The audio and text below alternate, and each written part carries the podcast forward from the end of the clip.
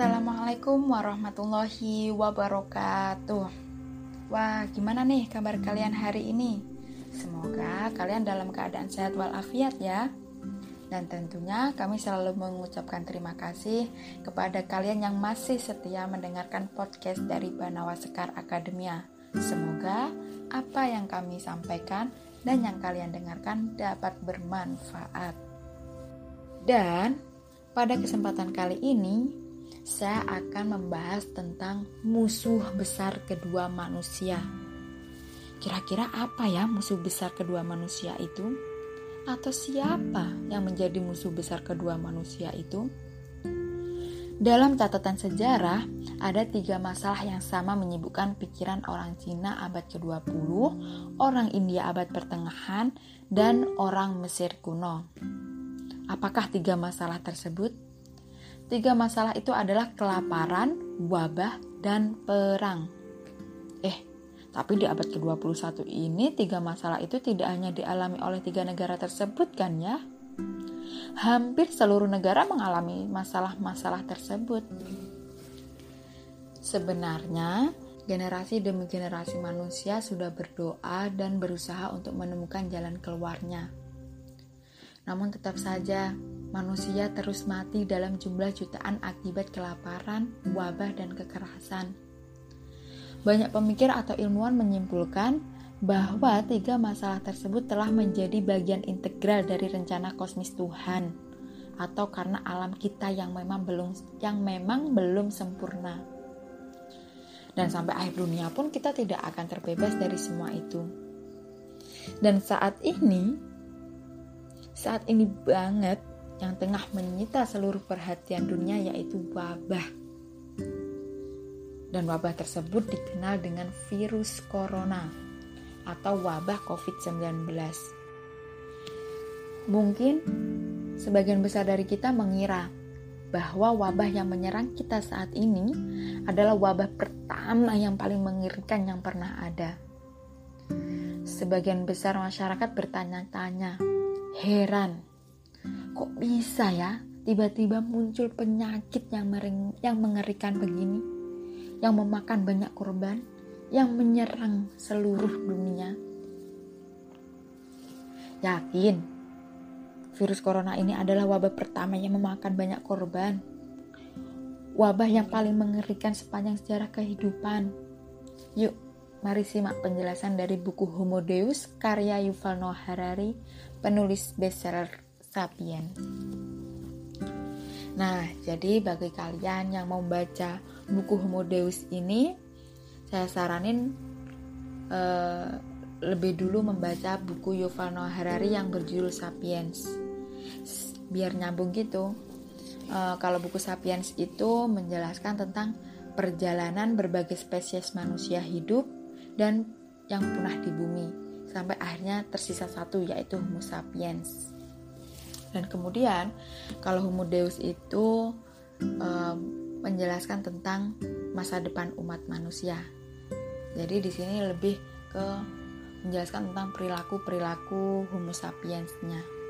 Jadi pas kan ya, sebelum mempelajari apa yang dilakukan oleh Homo sapiens, kita belajar dulu bagaimana kok bisa uh, di bumi ini tersisa satu spesies manusia yaitu Homo sapiens. Oke, kembali ke topik. Jadi apa ya yang menjadi musuh besar kedua manusia itu? Jawabannya adalah wabah dan penyakit menular. Wabah dan penyakit menular itu adalah musuh besar kedua manusia setelah kelaparan atau kemiskinan. Wabah yang paling terkenal dalam catatan sejarah yaitu wabah yang dinamai dengan maut hitam Wabah ini muncul pada dekade 1330 di suatu tempat di Asia Timur atau Tengah. Ketika suatu bakteri penumpang kutu Yersinia pestis mulai menginfeksi manusia yang digigit kutu. Wabah tersebut dengan cepat menyebar ke seluruh Asia, Eropa, dan Afrika Utara. Dan hanya dalam waktu kurang dari dua tahun mencapai pesisir-pesisir Samudra Atlantik antara 75 juta sampai 200 juta orang yang meninggal karena wabah tersebut. Di Inggris, 4 dari 10 orang mati dan populasi susut dari 3,7 juta jiwa yang sebelum karena yang sebelum wabah menjadi 2,2 juta setelah wabah. Ngeri ya. Kota Florencia kehilangan 50 ribu dari 100 ribu penduduknya karena wabah tersebut. Ketika itu pejabat benar-benar tak berdaya menghadapi bencana itu mereka tak tahu apa yang mesti dilakukan untuk menghentikan penyebaran wabah tersebut. Bagaimana caranya menyembuhkan korban-korbannya? Orang-orang dengan mudah percaya pada malaikat dan peri. Tetapi mereka tak bisa membayangkan ada seekor kutu mungil bisa menjadi predator mematikan. Maut hitam bukanlah peristiwa tunggal, bahkan bukan wabah terburuk dalam sejarah ada epidemi-epidemi yang lebih dahsyat melanda Amerika, Australia, dan Kepulauan Pasifik setelah kedatangan pertama bangsa Eropa. Tanpa disadari oleh para penjeladah dan pemukim itu sendiri, mereka membawa penyakit-penyakit menular baru, sedangkan penduduk asli tak punya kekebalan untuk menghadapinya. Hingga 90% populasi lokal meninggal sebagai akibat eh saya jadi teringat dengan uh, penjelasannya Jared Diamond dalam karyanya yang berjudul Collapse yaitu runtuhnya peradaban peradaban dunia. Nah, dalam karya tersebut dijelas menjelaskan tentang salah satu penyebab runtuhnya peradaban peradaban dunia yaitu introduksi spesies baru yaitu memasukkan spesies baru dalam kawasan uh, kawasan baru. Nah, contohnya yaitu kekacauan yang diciptakan para kolonis Britania. Mereka mendatangkan rubah dan kelinci ke Australia pada sekitar tahun 1800-an. Dan apa yang terjadi? Tindakan tersebut berdampak buruk terhadap spesies asli, asli Australia. Rubah telah memangsa dan memusnahkan banyak spesies mamam, lia asli Australia yang tak punya pengalaman uh, evolusioner menghadapi rubah. Sementara kelinci yang didatangkan tersebut mengonsumsi banyak pakan tumbuhan yang seharusnya dikonsumsi domba dan sapi yang ada di Australia tersebut. Dan hal itu dapat merusak tanah dengan liang-liang mereka. Nah, bukan maksud menyamakan antara manusia dan hewan, tapi di sini ada kemiripan bahwa pendatang baru itu memungkinkan untuk memberikan dampak buruk bagi eh, apa ya bagi kawasan yang didatanginya bagi populasi lokalnya bagi penduduk pribuminya kayak gitu. Oke kembali ke topik ya. Pada 5 Maret 1520 satu rombongan kecil kapal-kapal Spanyol bertolak meninggalkan Pulau Kuba dalam perjalanan menuju Meksiko. Kapal-kapal itu membawa 900 tentara Spanyol bersama kuda-kuda, senjata api, dan sejumlah budak Afrika. Salah satu budak itu yaitu bernama Francisco de Agula. Beliau membawa dan kalian tahu, beliau membawa satu pasukan mematikan dalam tubuhnya. Francisco sendiri tidak mengetahui jika di antara triliunan sel dalam tubuhnya itu terdapat bom virus, yaitu virus cacar. Kalau saat ini Francisco ini dikategorikan OTG ya, orang tanpa gejala. Setelah mendarat di Meksiko, virus itu mulai berbiak cepat dalam tubuhnya. Akhirnya, meletup keluar dari kulitnya dalam rupa ruam-ruam mengerikan. Eh, kemudian Francisco ini menumpang di rumah seorang keluarga pribumi Amerika di kota Sempoalan. Kemudian ia menulari para anggota keluarga yang ditumpangi itu. Dan wabah tersebut berlanjut menulari tetangga-tetangganya. Kalian tahu apa yang terjadi? Dalam 10 hari, Cempoalan menjadi sebuah lahan kuburan. Para pengungsi menyebarkan penyakit itu dari Cempoalan ke kota-kota terdekat. Setelah satu demi satu kota takluk pada wabah tersebut, para pengungsi yang ketakutan membawa penyakit itu ke seluruh Meksiko dan menyebar keluar. Masyarakat menyarankan untuk berdoa, mandi air, melumuri tubuh dengan bitumen, dan mengolesi, dan mengolesi luka dengan kumbang hitam yang digepengkan untuk menyelesaikan uh, wabah tersebut. Namun sayangnya tidak membuahkan hasil. Puluhan ribu mayat tergeletak membusuk di jalan-jalan, dan tak seorang pun yang berani mendekatinya untuk menguburkannya. Banyak keluarga lenyap dari beberapa hari dan pejabat memerintahkan agar rumah-rumah dirobohkan di atas mayat-mayat mereka. Di beberapa pemukiman, setengah populasi musnah akibat cacar tersebut. Pada bulan Oktober 1520, wabah tersebut memasuki gerbang-gerbang ibu kota Aztec, Tenochtitlan sebuah kota megah berpenduduk 250 ribu jiwa. Dan dalam kurun dua bulan, sedikitnya sepertiga penduduk musnah termasuk Kaisar Aztec.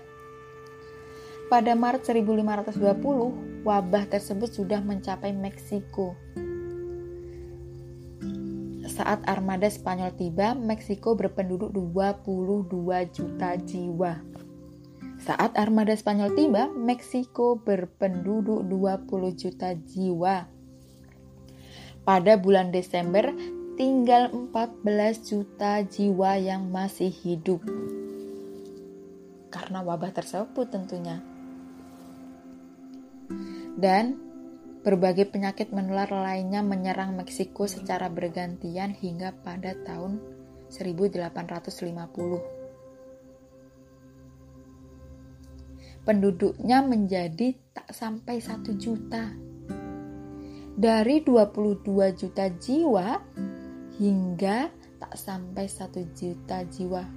Mengerikan sekali ya wabah itu. Dua abad kemudian, pada 18 Januari 1778, penjelajah Inggris Kapten James Cook dan rombongannya mencapai Hawaii dan lagi-lagi pendatang membawa penyakit menyengsarakan masyarakat lokal Hawaii. Apa yang mereka apa yang terjadi? Mereka memperkenalkan flu pertama tuberkulosis dan sipilis ke Hawaii. Dan kemudian para pendatang Eropa berikutnya juga membawa penyakit yaitu tipes dan cacar.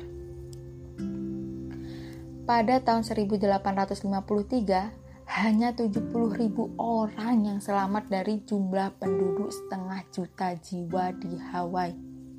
Gila. Seganas itu ya wabah itu. Wabah terus membunuh puluhan juta jiwa sampai memasuki abad ke-20. Pada Januari 1918, bala tentara di parit-parit Perancis Utara mulai mati dalam jumlah ribuan akibat penyakit flu yang sangat ganas yang dijuluki dengan flu Spanyol. Dalam beberapa bulan saja sekitar setengah miliaran orang ambruk oleh virus itu. Di India, virus tersebut membunuh 5% populasi jiwa, yang berarti sekitar kurang lebih 15 juta jiwa lah yang meninggal. Di Pulau Tahiti, 14% penduduk mati. Di Samoa, 20% yang meninggal. Di pertambangan-pertambangan tembaga Kongo, satu dari lima buruh tewas. Wabah itu sekaligus membunuh antara 50 juta sampai 100 juta orang dalam waktu kurang dari satu tahun. Bayangkan, ngeri kan? Lebih ngeri dari perang ini. Kita lihat perang dunia pertama, berapa orang yang terbunuh? 40 juta orang dari tahun 1914 sampai 1918. Ini membuktikan wabah lebih ganas dari perang. Tetapi, tenang. Insiden maupun dampak dari wabah sudah turun secara dramatis dalam beberapa dekade terakhir ini.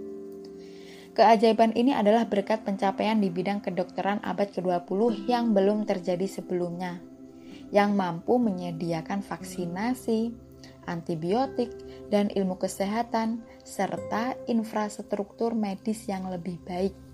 Misalnya, sebuah kampanye vaksinasi cacar begitu sukses sehingga pada 1979 Badan Kesehatan Dunia mendeklarasikan manusia telah menang bahwa cacar telah dilenyapkan sepenuh, sepenuhnya. Itulah epidemi pertama yang pernah berhasil manusia enyahkan dari muka bumi. Pada tahun 1967 cacar masih menjangkiti 15 juta orang dan membunuh 2 juta jiwa. Tetapi pada tahun 2014 tak seorang pun terjangkit atau terbunuh oleh cacar. Kemenangan itu begitu sempurna hingga Badan Kesehatan Dunia menghentikan vaksinasi cacar pada manusia.